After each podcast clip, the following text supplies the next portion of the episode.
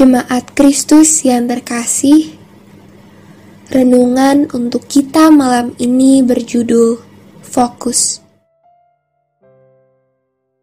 Dan bacaan kita diambil dari 1 Tesalonika 5 ayat 1 sampai 6 dan 9 sampai 10.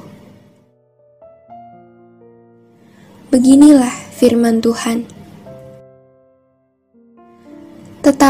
Tentang zaman dan masa, saudara-saudara, tidak perlu dituliskan kepadamu, karena kamu sendiri tahu benar-benar bahwa hari Tuhan datang seperti pencuri pada malam. Apabila mereka mengatakan semuanya damai dan aman, maka tiba-tiba mereka ditimpa oleh kebinasaan, seperti seorang perempuan yang hamil ditimpa oleh sakit bersalin, mereka pasti tidak akan luput.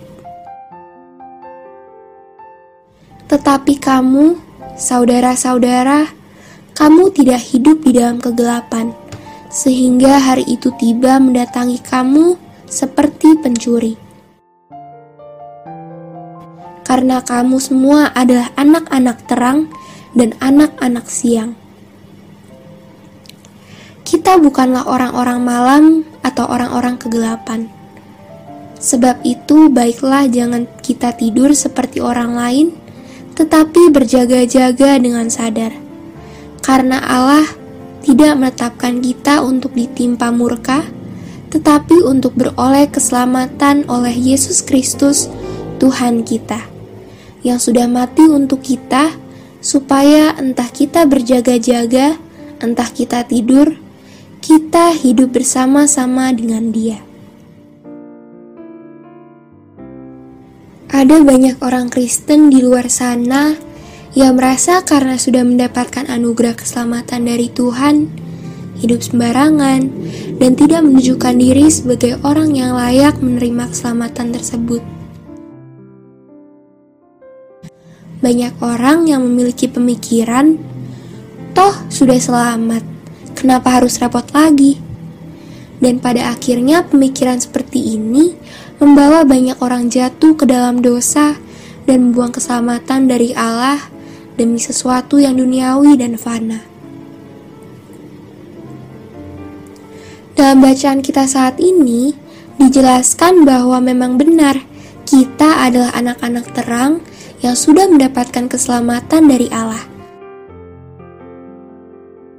dan Allah sendiri juga sudah menetapkan kita tidak akan mendapatkan murka dari Allah. Kehadiran Tuhan kembali tidak seperti pencuri bagi kita. Lalu, apa maksudnya? Maksud dari bacaan kita saat ini adalah bahwa kita sudah mendapat anugerah keselamatan tersebut, maka Allah menjamin bahwa kita tidak akan mendapatkan murka Allah dan binasa. Sebaliknya, kita akan hidup bersama dengan Kristus dalam kedamaian dan hidup kekal bersamanya. Lalu, bagaimana dengan statement di atas sebelumnya?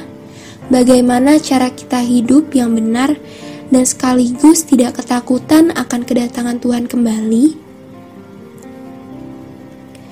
Yang perlu kita lakukan adalah tetap fokus dan menjauhkan diri dari perbuatan dosa. Benar bahwa kita sudah selamat.